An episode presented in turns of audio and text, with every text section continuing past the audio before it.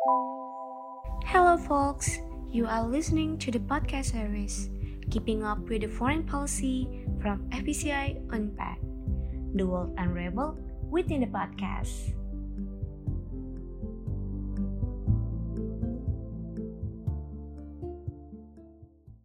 Halo, selamat berjumpa kembali para pendengar setia FPCI Unpad Podcast di mana pun Anda berada.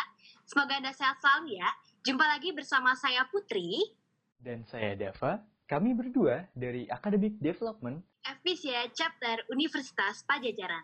Jadi, pada sesi Keeping Up with the Foreign Policy kali ini, saya bahagia sekali Dava karena kita kembali dengan membawakan isu yang sangat menarik di sepanjang tahun 2020 ini. Padahal kita baru ada di pertengahan tahun 2020, namun begitu dinamikanya sudah sangat pesat sekali. Betul Dava. Nah, makanya untuk topik yang akan kita bicarakan ini amat menarik sekali. Apa nih Dav? Topik yang akan kita bawakan pada hari ini? Hari ini, saya dan Putri akan membawakan podcast yang bertema ASEAN and China in the South China Sea, Balancing Action, Predicting Future. Wah, jadi kita akan mengetahui beragam perspektif yang dimiliki oleh ASEAN sebagai organisasi dan arena, serta prediksi masa depannya ya. Betul sekali Putri, karena bukan hanya membahas negara orang lain, tetapi di sini kita juga akan membahas negara kita, Indonesia, dalam menanggapi permasalahan di Laut Cina Selatan. Nah, sekarang kita telah terhubung dengan dua orang akademisi hebat. Pertama, ada Bang Iqbal Hafizon. Halo Bang Iqbal. Halo, halo. Oke, Aman, baik. aman. Terima kasih Bang. Nah, sekarang kita akan memperkenalkan akademisi kedua kita yang sama hebatnya nih. Ada Bang Equilibrium Tampu Bolon. Halo Bang Equi. Halo, halo. Panggilnya Iqbal. Wah, Nah, Bang Iqbal dan Bang Equilibrium ini merupakan alumni dari Hubungan Internasional Universitas Pajajaran yang baru saja lulus di tahun ini. Wah dua orang ini merupakan IR scholar yang nampaknya tidak asing lagi ya di mata penstudi HI Indonesia. Sepertinya chemistry mereka nyambung banget nih, Dav. Apalagi beliau berdua kan suka melakukan penelitian yang relatable dengan topik pada malam hari ini. Betul sekali, Putri. Hari ini kita akan membicarakan tentang ada apa sih di Laut Cina Selatan. Mungkin akan kita mulai dengan pertanyaan itu dulu, abang-abang. Ada apa sih, Bang, di Laut Cina Selatan? Oke, eh, ada apa di Laut Cina Selatan? Ya. Sekarang eh, kita bisa lihat ya, eh, terjadi dynamic shifting ya. Istilahnya itu kalau menurut Sen eh, Hise- Lee Hsien Lu, eh, sekarang itu adalah eh, merupakan peradaban Asia atau Asian Century. Nah, sehingga hotspot eh, geopolitik yang sebelumnya itu berkonsentrasi di barat atau di Middle East sekarang mulai bergeser ke Asia dan salah dua dari hotspot yang ada saat ini yaitu Great Mekong Subregion dan juga South China Sea atau Laut Cina Selatan. Nah, Laut Cina Selatan tuh saat ini sedang mengalami perkembangan yang begitu pesat terkait dengan dinamikanya. Terlebih eh, setelah kita melihat eh, banyaknya perubahan eh, kebijakan yang dilakukan oleh Tiongkok di Laut Cina Selatan yang menurut beberapa scholar cenderung lebih asertif gitu, sehingga memunculkan banyak sekali eh, pertentangan. Eh, pertentangan ini baik dari negara-negara yang terlibat langsung dengan eh, isu sengketa tersebut, ya, territorial eh, dispute, maupun juga negara-negara yang ada di luar kawasan yang juga terlibat eh, konflik dengan Tiongkok, tapi di dalam framework eh, maritime security. Nah, kita bisa lihat eh, negara extra-regional power seperti Amerika Serikat, terus juga Australia, mereka cukup concern dengan apa yang dilakukan oleh eh, Tiongkok ini gitu, dan bahkan Amerika dan Australia juga memandang apa yang dilakukan oleh Tiongkok sebagai bentuk eh, revisionis terhadap struktur yang selama ini telah dibuat oleh Amerika Serikat gitu, dengan asumsi eh, perilaku asertif Tiongkok itu dapat mencederai eh, freedom of navigation yang selama ini dibanggakan oleh Amerika Serikat dan juga eh, angkatan ketujuhnya gitu. Sehingga terjadilah apa yang disebut sebagai strategic rivalry di dalam satu arena yang bernama Laut Cina Selatan di antara dua kekuatan yang memiliki pengaruh luar biasa yaitu Tiongkok dan juga Amerika Serikat. Hanya saja kita harus bisa memahami bagaimana konteks yang terjadi saat ini gitu ya. Bagaimana relevansi aktor terhadap arena yang tengah mereka jajaki itu. Kita bisa lihat dari Tiongkok sedang mengalami penguatan meskipun dilanda oleh pandemi COVID-19, justru banyak pengamat yang melihat eh, perubahan Tiongkok ini cenderung lebih mengarah kepada yang asertif gitu. Jadi eh, tindakan Tiongkok eh, semakin kuat ya, semakin kuat pengaruhnya. Kita bisa lihat dari penambahan kekuatan yang ada di Laut Cina Selatan, lalu juga upaya untuk memiliterisasi uh, dua pulau karena kemarin China juga baru merilis ya merilis dua pulau baru gitu di di sepanjang laut Cina Selatan itu yang fungsinya nanti akan menjadi uh, koridor ekonomi koridor dan juga akan menjadi uh, pusat dari pergerakan militer uh, PLA atau People Liberation Army Naval yang ada di South China Sea sehingga sangat menarik gitu. Nah di sisi lain Amerika Serikat sekarang ya banyak scholar yang menyebutkan salah satunya adalah Amitabh Acharya telah, tengah mengalami penurunan kekuatan. Jadi mengalami declining gitu. Dan juga di era Donald Trump saat ini, kita tahu bahwasannya Amerika ini telah berubah menjadi negara yang sangat oportunis, ya, sangat pragmatis, dan yang terlebih lagi, Amerika ini menjadi sangat unreliable. Nah, kita bisa lihat di dalam beberapa forum multilateral atau di dalam beberapa forum organisasi internasional, ya Amerika mengalami perubahan yang cukup signifikan karena mereka lebih memilih untuk tidak terlibat langsung uh, terhadap sesuatu yang tidak berkaitan dengan mereka gitu. Ya salah satu langkah yang dilakukan oleh uh, Trump dan Amerika Serikat adalah salah satunya ya uh, itu keluar dari TPP.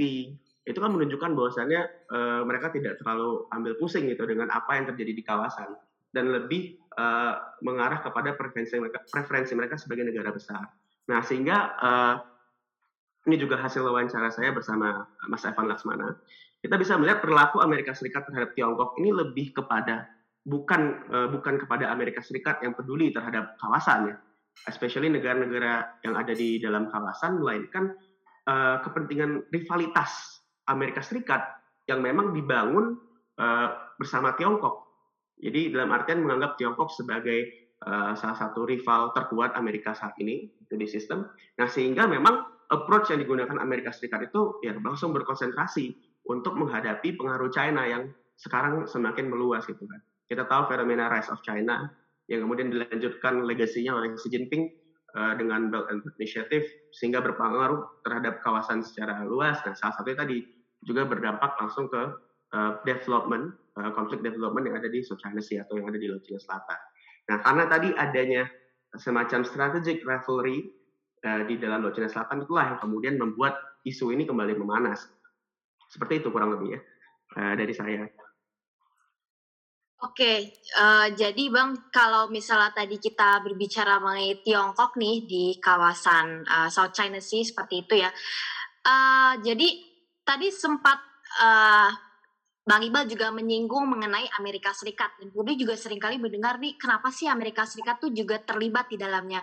Mungkin kalau tadi Bang Iqbal berbicara mengenai Tiongkok, Mungkin kita bisa mengetahui lebih lanjut nih Bang, hal apa sih yang menyebabkan Amerika Serikat itu melakukan uh, intervensi di Laut Cina Selatan tersebut Bang? Ya, sebagai negara besar, Amerika merasa punya tanggung jawab ya untuk menjaga uh, sistem yang selama ini telah dia buat gitu kan. Karena kita tahu sudah banyak sekali treaty ya uh, ketika kita berbicara soal development di kawasan baik dalam konteks ekonomi maupun strategik, Amerika itu punya pengaruh yang luar biasa besarnya gitu. Uh, tahun 1982 Amerika menciptakan uh, ini uh, San Francisco Treaty. Jadi ini semacam perjanjian keamanan kawasan, sehingga kita bisa lihat kan karakteristik uh, keamanan uh, konsep keamanan nasional yang ada di Asia Tenggara itu cenderung lebih mengarah ke dalam atau ancaman yang sifatnya inward looking gitu. Karena memang uh, sudah ter, sudah ada Amerika yang berfungsi sebagai security guarantor uh, selama ini dan uh, kemudian ya ketika Amerika melihat peran dia di dalam konteks ekonomi sudah mulai menurun, dan juga sekarang China sudah mulai pricing, ekspektasi kepada uh, China ini juga semakin meningkat. Nah, mau nggak mau Amerika Serikat juga harus bisa menjaga jangan sampai Amerika Serikat ini kehilangan tajinya juga di Amerika Serikat uh, di di kawasan. Kita bisa lihat sebenarnya uh, perkembangan itu sejak tahun 2008 ketika uh, Barack Obama itu menciptakan policy yang disebutnya sebagai rebalancing rebalancing Asia gitu, rebalancing Asia. Karena memang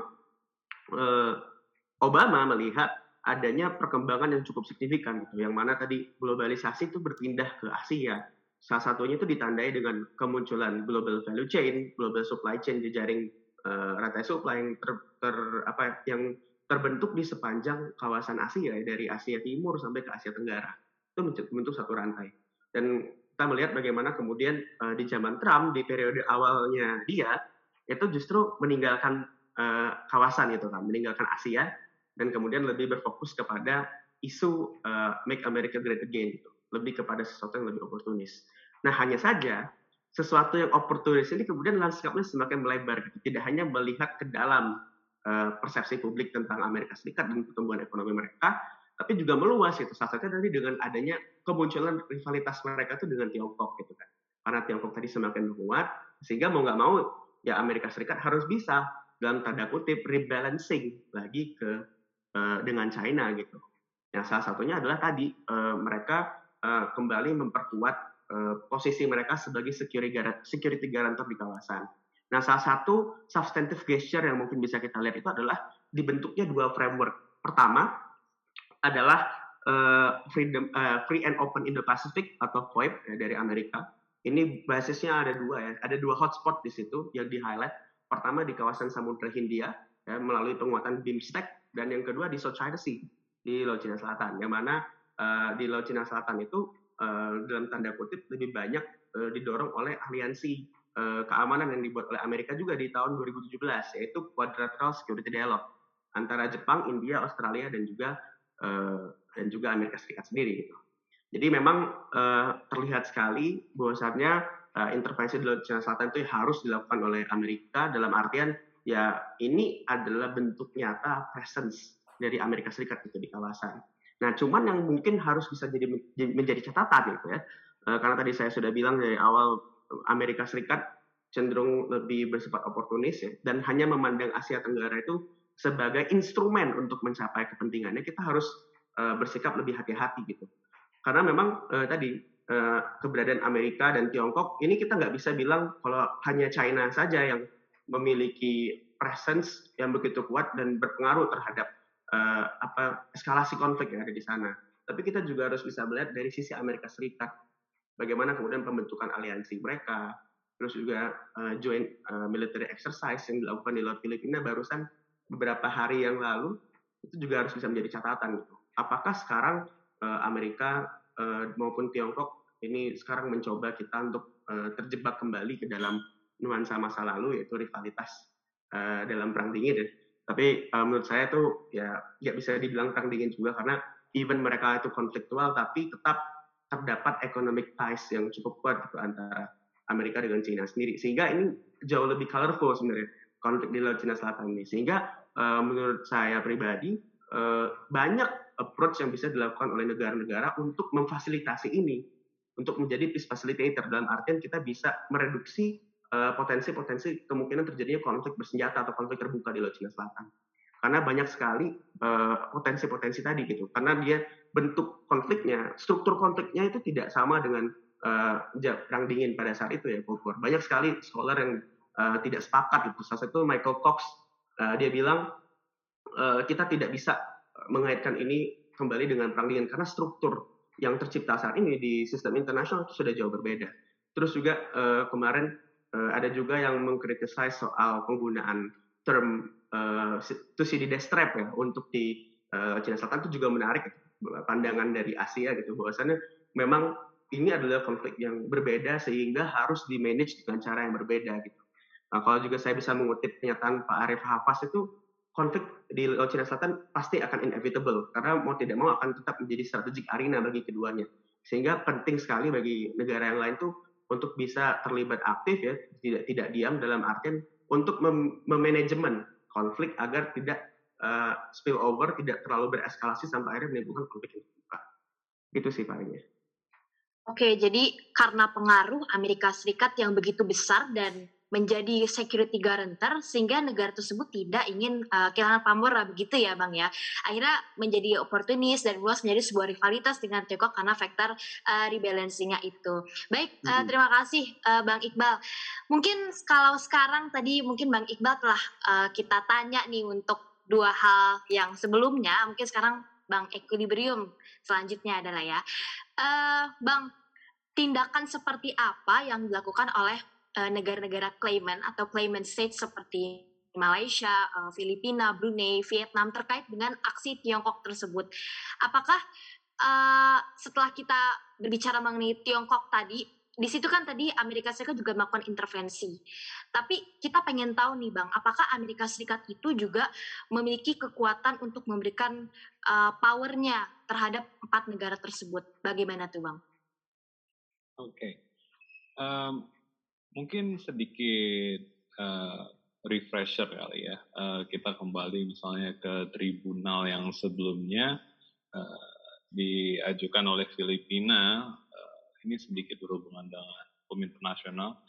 Uh, tahun 2016 uh, ada tribunal uh, internasional yang mengatakan bahwa klaim uh, teritorial Tiongkok uh, China atas beberapa uh, pulau di Laut Cina Selatan itu pulau dan um, fitur maritim lainnya di Laut Cina Selatan itu uh, tidak sah gitu ya. Dan dengan demikian negara negara-negara klaiman seperti Filipina, uh, Malaysia, Vietnam, dan Brunei sampai sekarang akan memakai uh, uh, hasil dari tribunal itu dalam ketika mereka berbicara mengenai Laut Cina Selatan. Nah, um, dari situ kita bisa melihat uh, sekarang ini sebenarnya ada dua isu dan kita bisa melihat tindakan-tindakan dari negara klaiman di dalam dua isu itu. Yang pertama, isu pertama itu adalah isu territorial dispute atau sengketa uh, kewilayahan. Uh, di dalam hal ini, negara-negara uh, klaiman itu setelahnya masih belum dapat berbuat banyak karena mereka bertumpu kembali ke hasil tribunal di tahun 2016 yang menyatakan bahwa Tiongkok tidak memiliki landasan hukum yang sah dalam mengklaim uh, fitur-fitur maritim yang terdapat di Laut Cina Selatan. Dan dengan begitu, um, mereka sedang mencari cara sekarang untuk bagaimana caranya untuk uh, Cina ini bisa menerima uh, hasil tribunal tadi ataupun merubah sudut pandang Cina dalam klaim-klaim mereka atas fitur maritim di Laut Cina Selatan tadi. Itu yang pertama. Um, secara individu, negara-negara tadi uh, dilihat lebih melakukan pendekatan bilateral dalam isu uh, sengketa kewilayahan. Dalam artian, um, China sendiri sedang mengatakan bahwa uh, ketika kita ketika China berbicara tentang laut tentang laut Cina Selatan, mereka tidak um, tentang maaf tentang sengketa kewilayahan di laut Cina Selatan, mereka tidak ingin menggunakan fora-fora lain seperti misalnya ya tribunal internasional ataupun organisasi internasional atau uh, dalam format summit, dalam format pertemuan tingkat tinggi yang melibatkan negara-negara um, lain selain negara klaiman seperti misalnya Amerika Serikat. Mereka hanya mau melakukan uh, berbicara mengenai sengketa kewilayahan di antara uh, dua negara secara tetap muka terhadap negara-negara klaiman. Dan itu juga mereka tidak mau uh, berbicara dengan negara klaiman secara kolektif. Mereka hanya mau berbicara secara ya itu tadi bilateral. Nah itu untuk isu yang pertama. Jadi agak susah untuk melihat apa yang sedang dilakukan untuk um, mencari jalan uh, keluar dalam isu sengketa kewilayahan.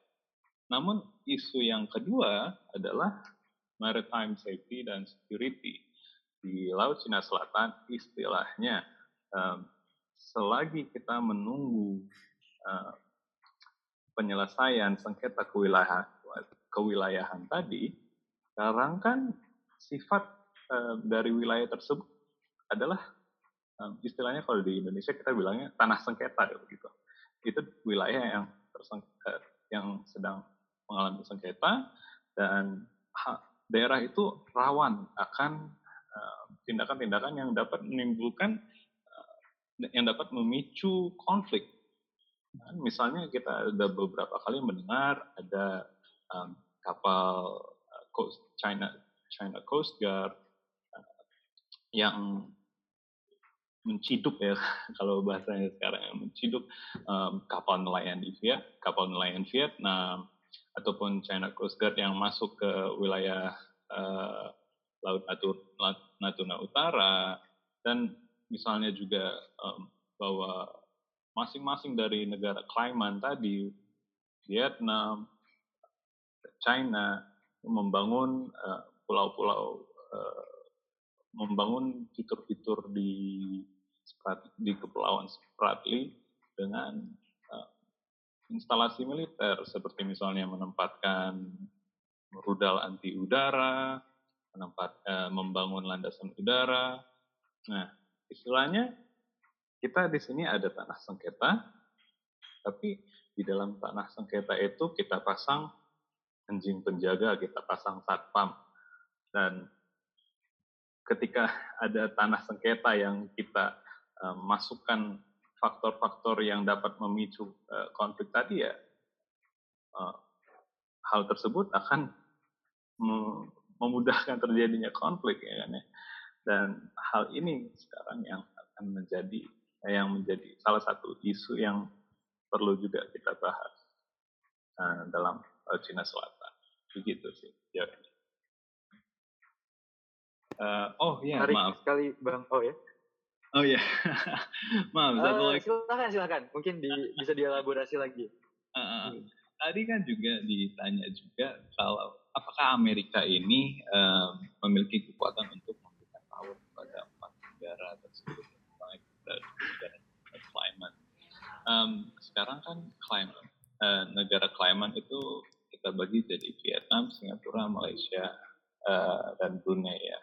Sejauh ini yang paling kuat hubungannya dengan Amerika Serikat itu uh, secara hukum ya, ya Filipina karena satu mereka memiliki uh, perjanjian visiting forces agreement uh, itu istinya adalah Amerika dapat mengirim, menempatkan beberapa pasukan di Filipina uh, dan kedua mereka juga memiliki mutual uh, defense treaty gitu di mana mereka saling berjanji untuk mendukung satu sama lain. Andai kata salah satunya diserang gitu. Uh, itu misalnya uh, apakah ketik jadi ketika ditanya apakah Amerika memiliki power power dalam hal ini hard power ya kita berbicara tentang hmm. ya um, kekuatan militer ya, ya uh, dalam tahap dalam kadar tertentu iya terhadap Filipina misalnya tadi dan terhadap misalnya Singapura dan Malaysia Amerika memiliki uh, hubungan yang erat dalam hal misalnya jual beli senjata uh, pertukaran pelajar pelajar dalam artinya dalam hal ini pelajarnya itu adalah um, perwira tentara ya. Uh, ya untuk meng, uh, untuk menjalin hubungan antara akan bersenjata dari negara-negara itu. Dan terakhir mereka juga sering melakukan um, latihan militer bersama dalam salah satunya misalnya RIMPAC gitu. Uh, Rim of the Pacific itu nama latihan uh, militer mereka. Ya paling segitu. Oke. okay. Oke, terima kasih. Uh, menarik sekali Bang Iqbal uh, pembahasannya. Namun yang jadi pertanyaan kita semua uh, sebetulnya sampai saat ini adalah masing-masing uh, negara memiliki uh, respon yang berbeda-beda, bang, uh, apa terhadap keadaan Laut Cina Selatan ini. Apakah ada uh, satu apa maksudnya? Apakah ada usaha begitu, bang, dari negara-negara ini untuk bekerja sama satu sama lain untuk menanggapi klaim dari uh, Cina terhadap Laut Cina Selatan ini? Ah, iya. Um, tadi kan tapi kita landasannya ke dari sisi dari kita bisa lihat dari dua sisi dari sisi satu uh, kita harus ingat yang tadi eh, kita bicarakan China itu tidak ingin um, berbicara mengenai sengketa kewilayahan secara multilateral dalam format uh, istilahnya berkumpul banyak negara bicarakan hal tersebut uh, melibatkan negara lain selain uh, yang berkepentingan dalam versi China. Ya sebagai selain dari negara climate state misalnya, eh, mereka hanya ingin melakukannya berdasarkan uh, mode bilateral. Tapi di satu sisi benar negara-negara ASEAN mengingat ada beberapa negara ASEAN yang menginginkan uh, satu suara ASEAN, suara negara-negara ASEAN uh, untuk menanggapi um, isu baik isu kewilayahan maupun isu maritim, keamanan maritim yang tadi. Jadi dua-duanya uh, di, di diusulkan untuk dibahas di dalam uh, fora ASEAN. Nah, untuk menanggapi hal tersebut sebenarnya ada yang namanya uh, Code of Conduct in the South China Sea. Ya. Um, tapi itu masih dalam tahap um, negosiasi dan sekarang um, ASEAN masih uh, memiliki single single negotiation draft text untuk uh, COC tadi namun lagi-lagi draft tersebut masih uh, dalam draft ya, masih dalam proses negosiasi. Uh, namun kalau misalnya kita mau melihat lebih uh, secara lebih detail, seperti misalnya atau misalnya kita ingin melihat hal apa saja sih yang kira-kira bisa ditambahkan kepada di dalam draft tadi itu bisa kita bisa melihat uh, pada AMT AMTI-nya punya CSIS ya. Uh, yang isinya itu misalnya menganjurkan untuk bagi draft tadi untuk mengandung hal-hal seperti misalnya uh, menjun poin prinsip-prinsip seperti misalnya menjunjung tinggi hukum internasional, uh, mengintegrasikan inisiatif ASEAN seperti banyak ya ada banyak inisiatif ASEAN yang bisa dimasukkan ke dalam code of conduct itu. Misalnya seperti code for unplanned encounters at sea itu adalah uh, tindakan-tindakan bagi kapal-kapal. Uh, bagaimana nanti ketika mereka uh, menemui kapal lain di tengah laut tapi mereka tidak apa ya istilahnya hampir tabrakan lah kalau di uh, di darat itu. Nah, gimana caranya itu? Itu harus diseragamkan gitu. Jadi uh, code of conduct ini dianjurkan uh, utamanya untuk mengelola konflik tadi. Untuk isu yang kedua tadi mengelola isu yang kedua yaitu yang mengandung uh, tindakan-tindakan yang dapat mengelola konflik seperti cues tadi uh, dan mungkin juga seperti misalnya contoh lainnya itu uh, melibatkan tindakan-tindakan deeskalasi, deeskalasi uh, suatu insiden. Seperti misalnya kalau misalnya ada kapal um, kapal China gitu ya kapal Coast Guard-nya China bertemu dengan kapal Coast Guard-nya Vietnam dan hampir tabrakan dan atau atau misalnya um, mereka stand off nih um, saling saling mengatur satu sama lainnya untuk meninggalkan suatu wilayah gitu. Nah, ketika di lapangan itu tidak berhasil diselesaikan, ketika tetap kap, kedua kapal tersebut kekeh gitu ya kalau orang Sunda bilang uh, akan ada suatu hotline, akan ada um, uh, orang yang uh, memegang komando yang lebih tinggi untuk dihubungi untuk uh, menyelesaikan masalah tersebut. Misalnya seperti itu. Jadi bagaimana caranya meminimalisasi kemungkinan terjadinya konflik di dalam uh, Laut Cina Selatan. Itu yang bisa dilakukan oleh ASEAN di dalam uh, Code of Conduct tadi, yaitu adalah ya seperangkat peraturan tata cara berlaku di Laut Cina Selatan. Itu. Mungkin uh, Deva mau nanya uh, lagi mungkin salah satu mungkin bisa ditambah sama Bang Bang. Uh, saat ini apakah code of conduct itu merupakan hal yang reliable dalam dieskalasi uh, tensi begitu? Uh, sebenarnya gini, kan code of conduct ini masih dalam proses negosiasi ya. Jadi memang uh, saya juga sebagai uh, ini ya preset juga belum bisa memutuskan apakah dia reliable atau enggak gitu. Uh, tapi ya uh, kita bisa lihat sebenarnya ASEAN uh, sekarang itu tengah melakukan pendekatan alternatif yang yang lain gitu. Jadi ada pendekatan alternatif selain dengan code of conduct. Nah kemarin itu uh, baru aja Pak Siswa Pramono itu mempresentasikan. Uh, jadi uh, sekarang tengah dibangun semacam CBM, Confidence Building Measures gitu di wilayah Sulawesi Selatan itu turunan dari ASEAN Outlook on the Indo-Pacific. Jadi uh, kita ingin menciptakan uh, apa yang disebut sebagai rantai industrial park. Jadi uh, ingin menciptakan se uh, sebuah uh, kerangka uh, supply chain yang resilient. Nah ini diharapkan uh, oleh negara anggota ASEAN uh, itu bisa menjadi solusi gitu, untuk menurunkan tensi yang ada di Laut Cina Selatan. Nah itu yang ada di uh, pikiran elit-elit ASEAN saat ini gitu loh. Karena uh, kita bisa lihat juga kepentingan yang saat ini muncul di negara Asia Tenggara itu dominan uh, didorong oleh kepentingan ekonomi sebagai bentuk rejim legitimasi dari tiap-tiap negara.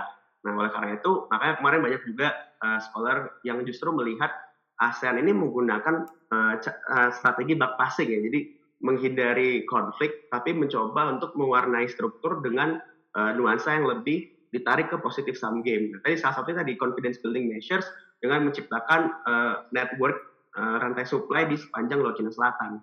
Jadi uh, itu diharapkan dapat uh, mengintegrate uh, dan juga menciptakan satu hubungan yang lebih kohesif ya. Karena memang challenge yang dihadapi saat ini kan trust deficit. Nah, itu yang coba di apa didorong oleh ASEAN dengan melihat uh, penggunaan uh, apa penggunaan pengembangan industri uh, apa industrial park uh, yang tersebar di seluruh wilayah itu ya berarti Indo China dan termasuk China juga gitu untuk terlibat langsung dalam pengembangan uh, rantai supply yang lebih resilient lagi gitu. Nah ini uh, juga untuk mempertegas hubungan yang lebih baik gitu antara ASEAN dan juga uh, dan juga uh, China gitu. Meskipun memang pada saat ini tengah terjadi uh, konflik juga gitu antara China dan juga negara-negara uh, anggota ASEAN lainnya. Nah itu uh, so far update ya, dari uh, respon yang dilakukan oleh ASEAN untuk di Laut Cina Selatan.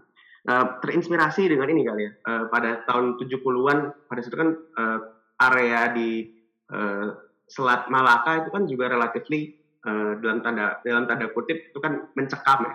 Tapi memang jenis kategori ancamannya lebih mengarah kepada ancaman transnasional gitu.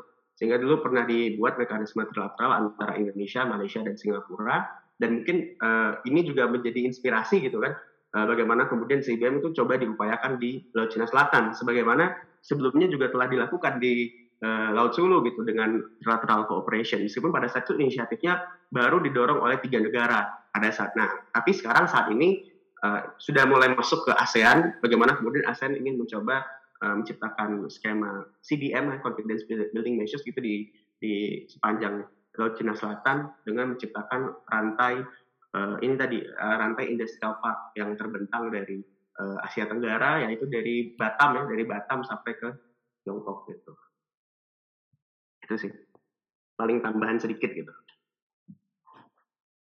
Nah Uh, kalau tadi Bang Eki sama mungkin Bang Iqbal juga berbicara mengenai code of conduct sebagai uh, bentuk dari usaha ASEAN untuk menghadapi klaim dan line dari China tersebut. Ini menarik nih Bang karena uh, mereka juga berpacu pada rule of law seperti itu. Namun China kan pada dasarnya tetap neglect ya terkait dengan hal tersebut alias tidak berhasil diselesaikan. Nah, menurut Bang Eki atau Bang Iqbal karena tadi juga ikut menambahkan, mana sih yang seharusnya diprioritaskan apakah ASEAN values-nya atau rule of law-nya yang berlaku? Seperti itu. Paling uh, sedikit berpendapat ya bagi pernyataan itu.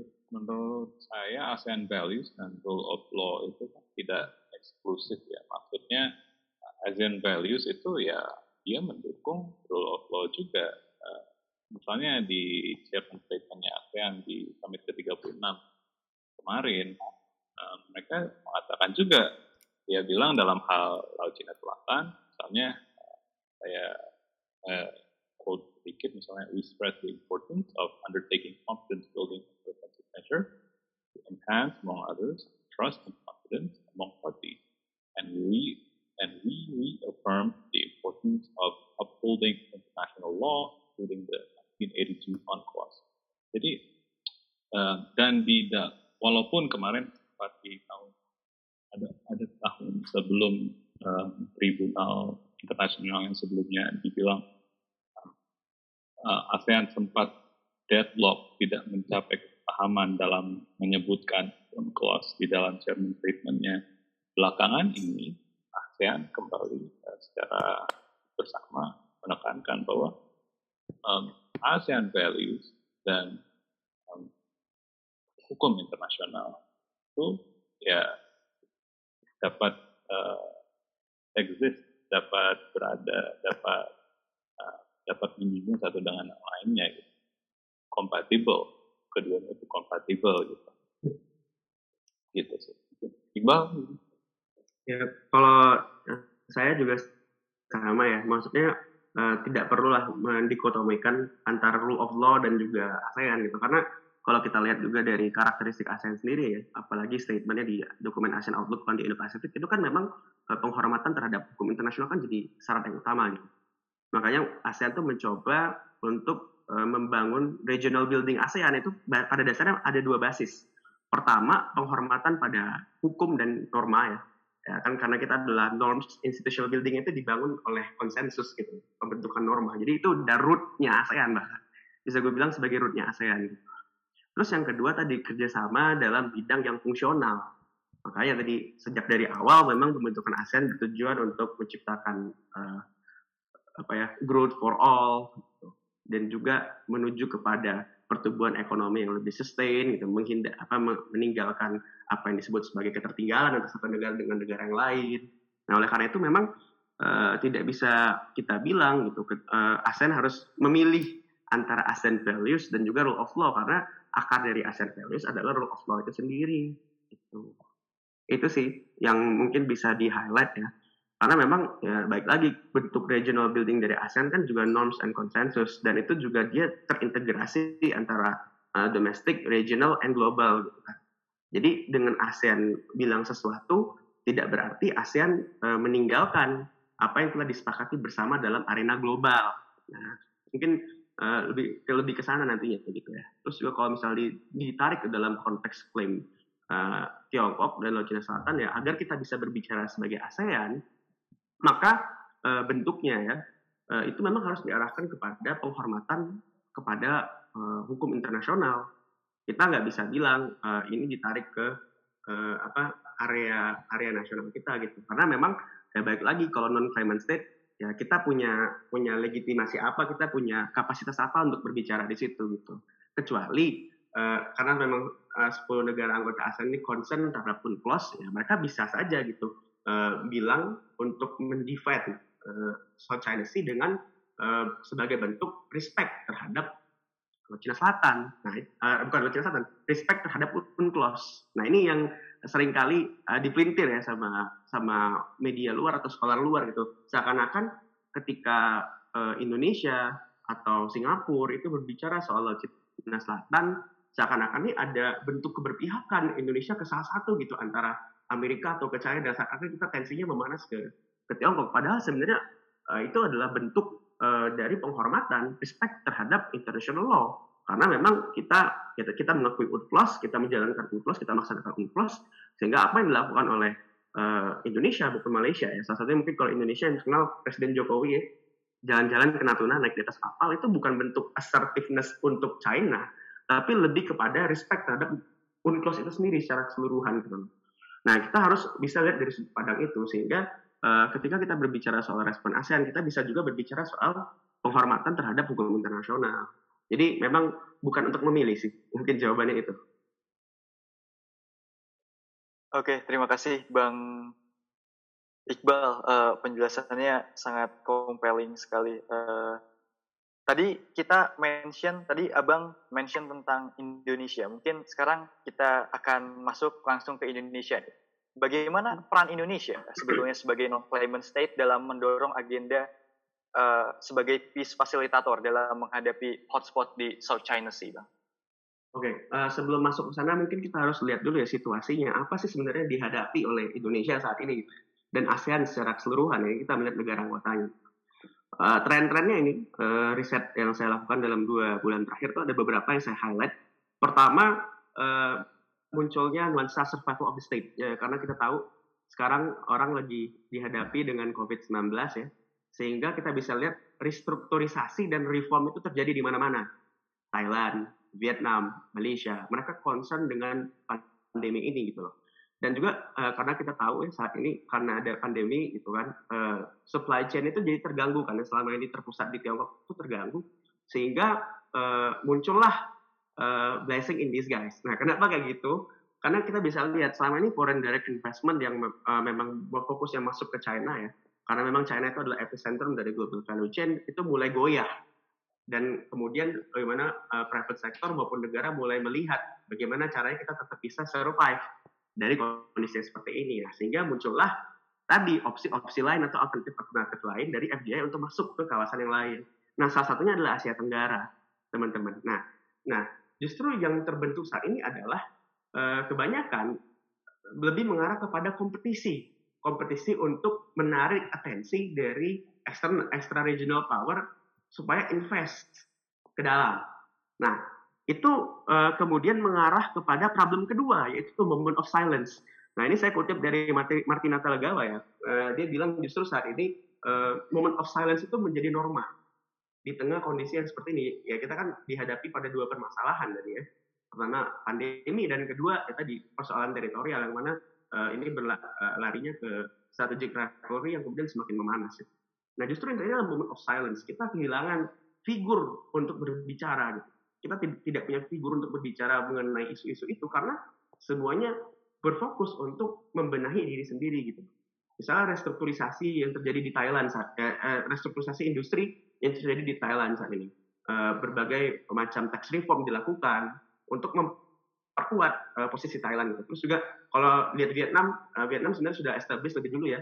Omnibus law-nya itu goal di tahun kemarin dan sekarang tinggal memetik hasil dan Indonesia sendiri masih ber, berjibaku dengan itu gitu. Kita bisa lihat kan dari uh, dari leader dari uh, leaders atau elit kita itu memang konsentrasinya kepada economic reform dan sekali lagi nah inilah yang kemudian uh, pembahasan mengenai omnibus law itu menjadi uh, sesuatu yang dipikirkan oleh Indonesia bukan yang lain karena memang Indonesia mencoba untuk menarik momentum supaya ini dapat nih kita bisa dapat nih peluang investasi dari luar gitu kan makanya ketika kemarin ada tujuh perusahaan masuk ke Indonesia udah senangnya bukan main ya karena itulah realita yang terjadi saat ini gitu nah moment of silence ini loh yang kemudian mendorong uh, permasalahan ketiga yaitu trust deficit.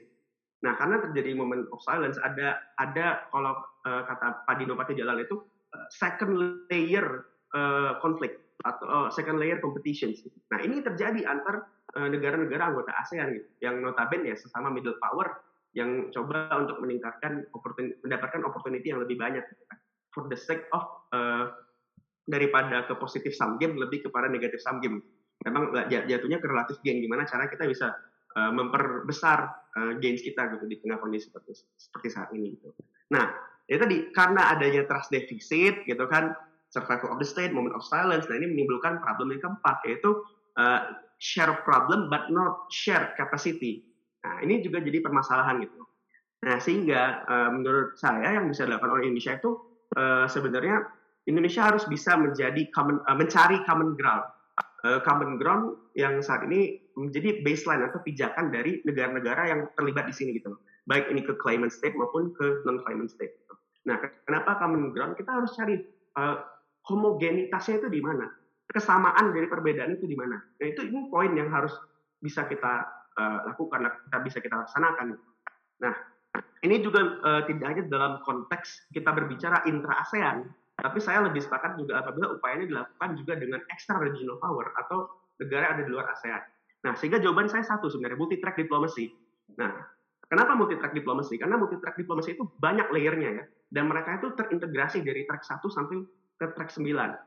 Nah, eh, kita bisa melakukan approach baik secara bilateral, unilateral, maupun dalam tingkat regional atau di dalam kerangka institusi, asalkan semua itu terintegrasi. Nah, ada dua fokus yang ingin eh, mungkin yang bisa ditekankan ya. Pertama tadi soal economic development. Kita lihat ekonomi ini adalah adalah common ground.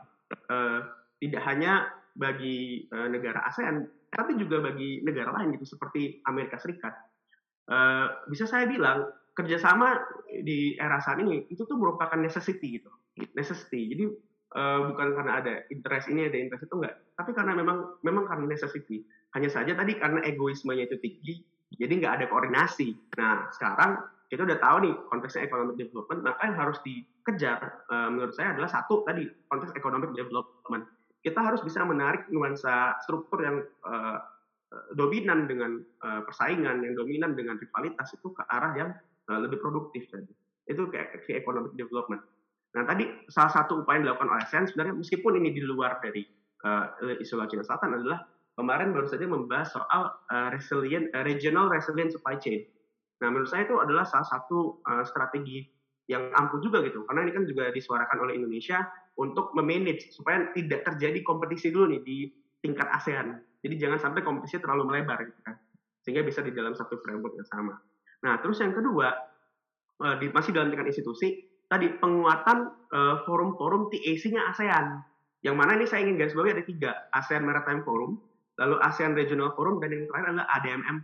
Tadi soal ADMM Plus itu juga sudah disinggung ya sama Eki. Gitu ya penting. Kenapa penting ADMM Plus ini tadi? Untuk membangun konsensus terkait dengan apa yang menjadi ancaman bersama gitu. Meskipun bukan dalam konteks uniting ASEAN uh, atau ASEAN Uniting, tapi lebih ditarik kepada harmonizing atau harmonisasi ASEAN. Nah, inilah langkah yang seharusnya bisa dilakukan oleh Indonesia sebagai natural leader. Karena memang presence Indonesia di ASEAN itu cukup kuat. Nah, hanya saja kita balik lagi ke kapasitas domestik ya. Uh, ya tadi Indonesia saja cenderung lebih memilih untuk ya pragmatis ya karena mungkin berpikir bagaimana caranya menciptakan rejim legitimasi yang bisa punya prospek jangka panjang sehingga mungkin ini belum jadi uh, hirauan gitu tapi saya harap ya dengan adanya diskusi kemarin Indonesia sudah mulai konsen ke sini. Nah lalu yang kedua uh, ini uh, saya ingin menyarankan Indonesia harus bisa memperbanyak uh, dialog dengan uh, negara extra regional power. Eh, tidak harus melalui ASEAN. Uh, saya sepakat dengan kemarin formula yang digunakan oleh Indonesia dengan Jepang yaitu two plus two meeting ya. Jadi adanya satu framework yang sama uh, di mana Menteri Pertahanan dan Menteri Luar Negeri itu duduk dalam satu meja kita berbah uh, kita membahas mengenai uh, apa apa saja yang menjadi strategic uh, issues gitu yang ada di kawasan itu gitu. Meskipun dialog, tapi input dari diskusinya itu penting untuk dibawa ke forum ASEAN yang lain sehingga bisa adaptif dan bisa adaptasi gitu. Kita bisa melihat konteks bagaimana uh, pemahaman extra regional power terhadap uh, kita di eskalasi yang terjadi di South China Sea karena berbicara South China Sea atau Laut Cina Selatan tidak hanya berbicara soal Amerika Serikat dan Tiongkok saja gitu atau China saja. Ada di situ ada Jepang juga yang punya konflik uh, di, di China Sea atau di Laut, Laut Timur. Ada Australia juga gitu, dan juga India yang mana mereka semuanya tergabung dalam aliansi Quadrilateral Security Dialogue gitu. Nah, itu seharusnya bisa dijadikan sebagai momentum oleh Indonesia gitu, untuk memperkuat track-track tadi sehingga terjadi sinergi antara uh, apa antara upaya yang dilakukan oleh Indonesia baik secara bilateral maupun dalam konteks institusi tadi untuk membangun apa yang disebut sebagai peace facilitator. Nah, menurut saya itu adalah kunci yang harus dilakukan oleh ASEAN saat ini gitu. Cuman tadi sebelum sampai ke sana, tadi untuk lebih atraktif lagi, tadi economic development harus dilakukan. Karena itulah yang kemudian menjadi necessity tadi, menjadi uh, kunci dari terbentuknya kerjasama di era yang serba uncertain ini gitu. Tidak hanya kita berbicara soal konteks, konteks geostrategik, tapi kita juga berbicara soal pandemi COVID-19. Nah tadi, jadi tadi harapan tadi adanya elaborasi di poin-poin itu, nah, sehingga kita bisa melihat kemudian Indonesia uh, bisa lebih bersuara gitu ya uh, uh, bisa membebaskan kita dari norma moment of silence ini gitu. Nah, semua orang diam gitu kan, bingung mencari siapa yang bisa menjadi anchornya, bisa menjadi nakodanya gitu. Oke, oke. Mungkin itu saja. Sekian. Oke, menarik ya uh, mengenai pembahasan ini. Mungkin kita akan masuk ke pertanyaan yang mungkin masuknya terakhir kali ya. Ini untuk Bang Iki boleh atau Bang Iqbal juga boleh. Saya mau nanya, apa yang menyebabkan RRC ini terlihat sangat berhati-hati sebenarnya untuk uh, merespon Indonesia. Dan jika memang RRC ini melakukan kehati-hatian untuk bersikap dengan Indonesia, apakah uh, Bang Eki atau Bang Iqbal juga melihat bahwa Indonesia melakukan hal yang sama? Karena kalau dari beritanya kan ini sepertinya uh, beredar ya secara luas kalau Menteri Pertahanan membeli alutsista baru dan sebagainya. Apakah ini memang ada uh, relasinya dengan uh, South China Sea seperti itu? Dan kalau untuk abang-abang uh, berdua nih, apa sih uh, sebenarnya yang harus dilakukan oleh Indonesia uh, terutama dalam masalah internal yang merembet juga nih, misalnya kayak Kepulauan Natuna yang juga uh, masuk ke dalam Nine Dash Line itu yang diklaim oleh Tiongkok. Nah, silakan. Um, Oke, okay. ini sebenarnya ada hubungannya sama kemarin kita gue sempat ngobrol juga sama Iqbal ya, Iqbal ya. Kalau um, tentang Wolf Warrior itu yang foreign policy. Warrior diplomacy. Iya, jadi uh, ada beberapa artikel uh, oleh foreign policy ya kalau nggak salah itu ya, ya, atau foreign affairs. Diplomat.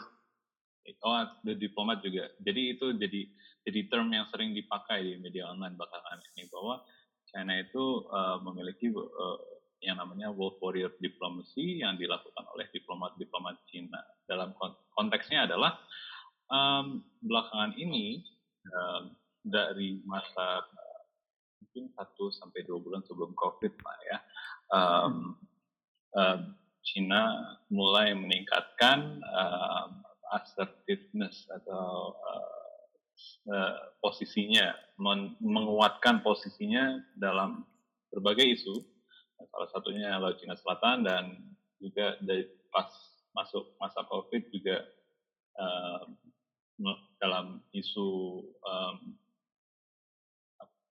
namanya ya dalam isu ya bahwa Cina bukan tidak tidak bertanggung jawab atas bersebarnya COVID misalnya seperti itu. Tapi um, pada dasarnya Wolf, uh, Wolf Warrior Diplomacy ini menarik karena kita hampir tiba-tiba melihat peningkatan uh, misalnya ada peningkatan kapal Coast Guard-nya China masuk ke Laut Natuna Utara uh, dalam tahun ini uh, sudah begitu diplomat-diplomatnya China itu juga um, sering mengassert bahwa uh, China memiliki klaim atas uh, berbagai fitur maritim di Kepulauan Spratly dan sampai kemarin atau dua hari yang lalu tanggal 2 Agustus ya uh, ambasador uh, China ke India itu sempat uh, bickering gitu ya, sempat uh, sempat berdebat dengan uh, High Commissioner-nya Australia di India mengenai Laut Cina Selatan di Twitter gitu. Jadi um, sema, jadi diplomat uh, diplomat China ini semakin asertif dan ini menarik um, belakangan ini karena ada satu hal yang um, mau dijadikan perbandingan uh, dalam hal ini yaitu kemarin yang kemarin uh, gue dan Iqbal bicarain itu adalah di zamannya Mao Zedong uh, sekitar dan and lie uh, pas ketika masa perang dingin gitu ya motonya China dalam menanggapi isu-isu yang sensitif isu yang misalnya waktu itu kan isunya adalah kemerdekaan Thailand ya. Eh maaf Taiwan.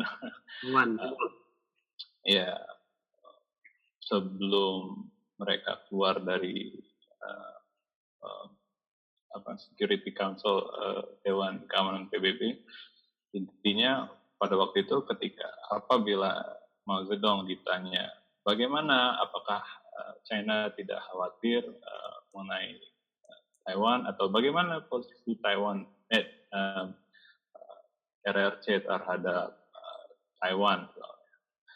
Dia akan jawab bahwa China itu bisa menunggu 100 tahun atau sampai 1000 tahun. Itu tidak masalah. Kami bisa kok uh, konteksnya waktu itu perang dingin, jadi kami bisa uh, uh, menunggu dulu uh, 100 tahun, 1000 tahun, asalkan dalam isu-isu yang lain, uh, asalkan hal tersebut tidak uh, mengganggu isu lain, seperti misalnya menjaga perdamaian dunia. Waktu itu Eh, konteksnya uh, uh, lagi ada China China dan Soviet sedang uh, the Great Rift gitu ya sedang tidak tidak tidak serasi lah istilahnya. Dan kemudian um, itu menunjukkan bahwa sebenarnya dari dulu China ini uh, mainnya secara diplomasi halus gitu. Pelan-pelan dia uh, meningkatkan uh, uh, pelan-pelan dia melakukan berbagai tindakan yang secara subtle, yang secara halus, tapi uh, pada akhirnya akan mendapatkan keinginannya gitu. Tapi belakangan ini ya uh, saya lihat kalau tindakan China ini sampai uh, sebegitu high profile, sebegitu konfliktualnya sehingga sampai tidak hanya negara tetangganya yang apa namanya yang besar tapi bahkan negara-negara ekstra regional juga misalnya seperti India, Australia, Amerika itu juga terusik dan bahkan semakin meningkatkan uh, ketidaksetujuan ketiga negara tadi terhadap China gitu. Nah, itu um, dan itu yang sebenarnya uh, latar bagi pertanyaan tadi. Jadi sebenarnya kalau dibilang berhati-hati, sebenarnya sekarang dengan tren World Warrior Diplomacy tadi, sebenarnya China sekarang lebih asertif uh, dalam apalagi dalam isu Laut Cina Selatan ya. Um, dan ketika kita bertanya juga apakah Indonesia melakukan hal yang sama, uh, bahkan Indonesia juga kemarin menegaskan kembali kon konsisten, uh, konsisten uh, menunjukkan uh, eh, menjunjung uh, hukum internasional di dalam berbagai publikasinya, eh, di dalam berbagai uh, posisinya dalam Laut Cina Selatan. Jadi tidak uh, jadi kehati-hatiannya ini apakah dalam hal retorika atau apakah dalam hal um, secara umum menghindari perang? Karena kalau secara retorika sebenarnya sekarang semakin asertif.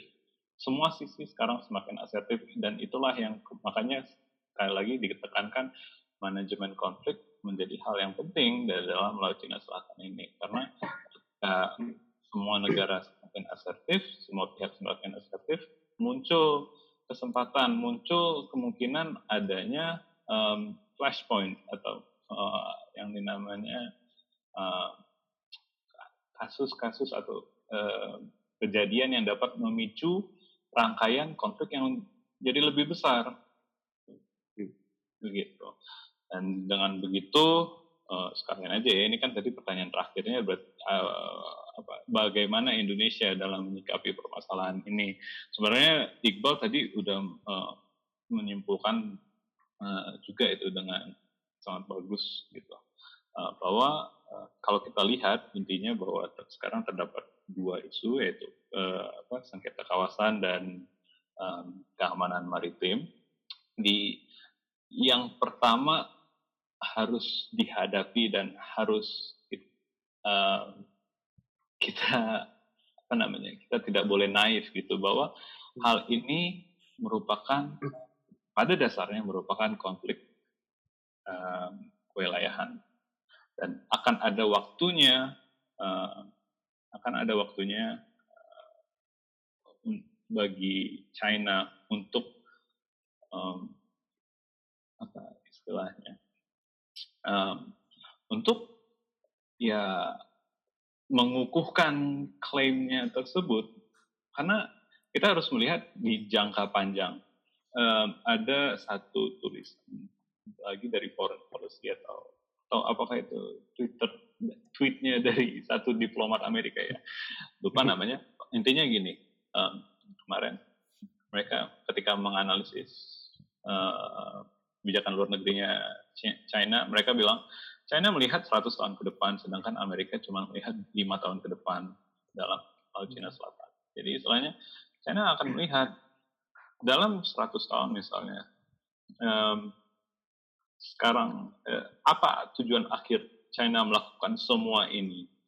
Apa eh, untuk apa China melakukan uh, mengirimkan Coast Guard-nya di uh, Laut Cina Selatan, mengirimkan berbagai nelayan yang dipersenjatai di Laut Cina Selatan misalnya, dan membangun pangkalan militer dan berbagai macam fitur maritim lainnya di di Kepulauan Spratly pasti ada tujuan akhirnya kan dan kita enggak, tidak boleh lupa akan tujuan akhir tersebut walaupun kita memanajemen konflik walaupun kita juga menetapkan rules untuk memanajemen konflik dan berbagai mekanisme untuk mereda konflik, tapi kita juga harus paham bahwa uh, ya pada akhirnya uh, China memiliki tujuan akhir di sini dan kita tidak boleh lupa akan hal itu.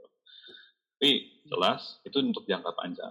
Untuk jangka pendek, um, seperti yang Iqbal sudah bilang tadi, um, mungkin dan ini juga meluruskan um, meluruskan uh, tadi mungkin Putri mengatakan bahwa Laut Natuna, Natuna Utara itu overlapping dengan Nine Dash Line.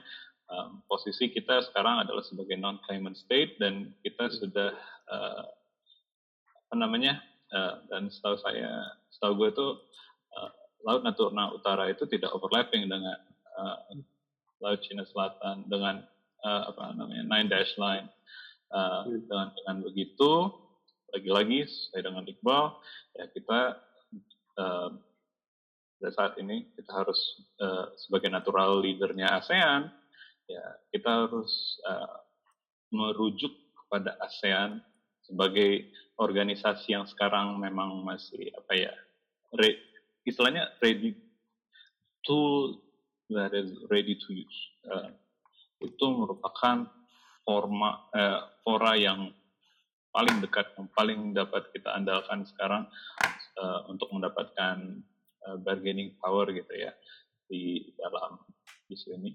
Kita harus menggunakan ASEAN untuk mencari uh, uh, berbagai kerjasama fungsional seperti uh, hotline tadi ataupun yang Iqbal katakan tadi untuk berfokus kepada ekonomi untuk uh, meningkatkan legitimasi dari si ASEAN ini.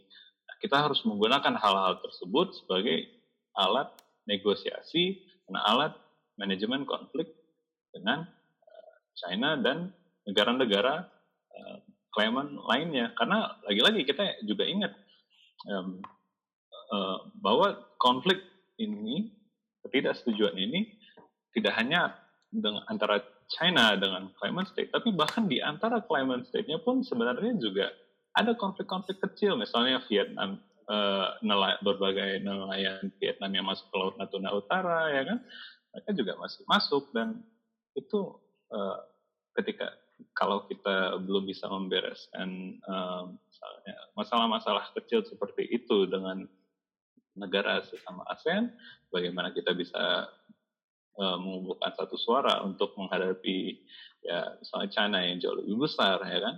Jadi kita besarnya sebagai natural leader yang kata gue tadi kuatkan dulu di ASEAN dan gunakan ASEAN untuk uh, sebagai fora apa namanya uh, kerjasama fungsional uh, dan juga sebagai fora bagi uh, extra regional power atau negara-negara di luar kawasan ASEAN seperti Amerika uh, sebagai negara-negara kuat tadi ya uh, Amerika, India, Australia, Jepang uh, untuk uh, bekerja sama dan ya ya istilahnya manajemen konflik dan menyelesaikan sengketa wilayahan tadi gitu sih.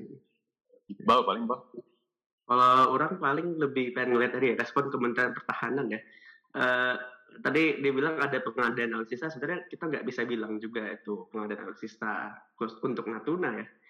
Karena ya tadi balik lagi nih, apakah memang betul ingin melakukan pengadaan atau memang ini macam flexing muscle aja gitu. Jadi uh, karena juga belum ada yang deal kan, kita mau ngambil apa, mau milih yang mana gitu. Terus juga uh, sepertinya juga bicara soal strategi apa Eh, strategi, strategi pertahanan pulau terluar ya dalam konteks pertahanan maritim kan kita juga sedang develop jadi masih ngeliat nih uh, penyesuaian regulasinya gitu kan. Soal birokrasi juga masih diurus itu kan kita bisa lihat kayak uh, Bakamla akan diubah menjadi Coast Guard Indonesia terus bagaimana relasinya dengan apa instansi uh, militer yang lain itu kan juga masih dibahas gitu. Jadi uh, menurut saya tidak ada perubahan yang signifikan Indonesia tetap seperti Indonesia. Uh, sebagaimana mestinya gitu. Cuman yang mungkin harus saya apresiasi dari Kementerian Pertahanan adalah ini uh, diplomasi pertahanannya gitu. Jadi uh, kemarin uh, Pak Prabowo itu datang langsung ke acara ulang tahunnya Rusia. Terus duduk di sebelah ini apa Menteri Pertahanan Tiongkok. Ya, Menteri Pertahanan China di di acara itu gitu. Nah ini menarik gitu justru kayak ada upaya gesture untuk uh, apa yang disebut sebagai active listening gitu ya mendengarkan apa yang menjadi konsiderasi dari extraregional power ini. Karena seminggu sebelumnya dia kunjungan ke Amerika Serikat. Nah, jadi justru menurut saya ini adalah upaya-upaya taktis ya yang bisa dilakukan oleh pemerintah Indonesia gitu, baik dari dari multi track diplomasi, baik itu di jalur formal maupun non formal. Nah, figur Prabowo Subianto ini menurut saya uh, relatively uh, cukup baik gitu ya di dalam di dalam merespon apa yang terjadi di kawasan saat ini gitu. Karena itu kalau nggak salah memang ketika Tiongkok selesai meresmikan pulau, ya ada dua pulau yang diresmikan, terus juga US juga kemarin bilang tidak mengakui, akhirnya tidak mengakui klaim China itu secara terbuka, ya itu dia datang ke ke Rusia, dia datang ke Amerika, dia datang ke Tiongkok, active listening. Nah, menurut, menurut saya itu yang harus dilakukan itu. Figur-figur uh, figur-figur seperti ini yang yang seharusnya itu dikedepankan. Untuk apa? Untuk mencari tahu kira-kira apa sih yang menjadi permasalahan gitu atau mungkin kalau bukan masalah kita bisa bicara titik tengah gitu common ground. Nah itu yang dilakukan oleh uh, Prabowo gitu uh, saat ini baik itu ke Tiongkok maupun ke Amerika Serikat gitu. Sehingga ya, kita bisa lihat gestur-gesturnya gitu. Meskipun tidak secara spesifik mengarah ke uh, pengadaan militer ya, ke dalam isu yang sifatnya tradisional uh, apa traditional issues gitu. Tapi uh, bisa kita lihat kemarin pengadaan masker PPE atau APD itu kan juga masuk ke Kementerian Pertahanan kan. Terus juga ventilator itu juga salah satu yang mendorongnya juga dari Kementerian Pertahanan. Jadi eh, diplomasi pertahanan itu justru eh, sangat efektif untuk dilakukan saat ini gitu. Jadi eh, menurut saya gitu di dalam kapasitas saya saya bisa bilang ini respon yang cukup baik gitu. Jadi ya lebih diarahkan ke sana daripada tadi flexing muscle karena pada akhirnya juga nggak jelas kan kita mau beli yang mana gitu atau ini juga menjadi taktik juga dari uh, pemerintah Indonesia gitu untuk mem membuat uh, tawaran-tawaran tadi itu jauh lebih jadi lebih besar dapatnya gitu kan. Jadi kemarin kita dapat hampir dapat Osprey ya kemarin uh, dari Amerika kan meskipun itu di reject juga sama pemerintah Indonesia kita kan kita denial gitu kita belum nentuin juga mau ngambil itu atau enggak. Terus tiba-tiba setelahnya uh, Rusia ngomong SU35 perpanjang ini segala macam gitu kan. Uh, di, di reject juga sama pemerintah Indonesia. Jadi bagus gitu untuk meningkatkan gains uh, tadi sebagai swing state. Nah ini uh, ini merupakan potensi Indonesia gitu ya uh, sebagai negara natural yang bisa melakukan hedging strategi gitu di antara dua karang. Nah ini nah justru upaya ini yang harus terus dikedepankan gitu dalam konteks personal Indonesia secara unilateral gitu. Tapi effort serupa juga harus ditularkan ke uh, global fora atau regional fora yang lain. Nah karena kalau enggak ya tadi sistem tadi hanya akan berhenti di sini gitu. Nah ini justru uh, apa membawa kultur dialog norma itu yang harus didorong uh, supaya kemudian ya tadi perilaku yang tadi sebelumnya cenderung mengarah kepada enmity itu perlahan bisa diarahkan kepada yang amity gitu. Karena memang berbicara soal maritim tadi terlalu banyak ya ininya fitur-fitur maritim terlalu banyak gitu. Bahkan Geoffrey Till saja tidak bisa memisahkan gitu antara aspek low politics dan high politics di dalam konteks maritim gitu. Nah sehingga tadi perlu dilakukan upaya-upaya uh, pendekatan, active listening dilakukan oleh pemerintah Indonesia agar kemudian bisa uh, mendorong peran sebagai peace facilitator tadi. Dibawalah ke uh, apa ke arena yang lebih luas itu di regional. Karena percuma ASEAN sudah membuat ASEAN Outlook on the Indo-Pacific. Kalau tidak dimanfaatkan tadi untuk sebagai bentuk uh, konkret ya dari ekspansi TAC-nya ASEAN ke kawasan ya itu nggak akan jalan gitu. Ya, tadi sekali lagi kita butuh natural leader dan uh, tindakan aktif ini yang harus dilakukan oleh Indonesia. Apabila keinginan apa kemungkinan terburuk itu tidak ingin dihindari itu itu paling dari saya Baik, baik. Kita bisa menarik kesimpulan ya bahwa memang kedua negara tersebut juga semakin asertif tentunya dan uh, seperti tadi yang telah dikatakan oleh Bang Eki bahwa manajemen konflik serta mungkin Bang Iqbal juga menambahkan bahwa multi track diplomasi jadi suatu hal yang signifikan untuk digunakan oleh setiap aktor negara khususnya Indonesia nih dengan posisi sebagai neutral leader dan sekarang tengah berupaya bergerak sebagai active listener demi terwujudnya uh, sebagai peace facilitator. Oke, kita telah sampai di penghujung sesi dan telah memutus secara komprehensif mengenai situasi yang terjadi di South China Sea beserta motif dan setiap aktor yang terlibat baik ada China, Amerika Serikat, ASEAN hingga Indonesia yang telah dipaparkan oleh narasumber. Terima kasih atas waktunya Bang Iqbal dan Bang Eki. Semoga yang telah disampaikan menjadi bermanfaat ya bagi para pendengar dan sukses untuk ke depannya bagi beliau berdua. Jika pendengar juga tertarik dengan varian politik lainnya, jangan lupa untuk tetap cek sosial media FBCI Chapter 4 di Instagram at Unpad. Selanjutnya jangan lupa juga untuk tetap nantikan mendengarkan podcast kami yang tentunya membahas isu lainnya yang tak kalah menarik dengan ini. Terima kasih.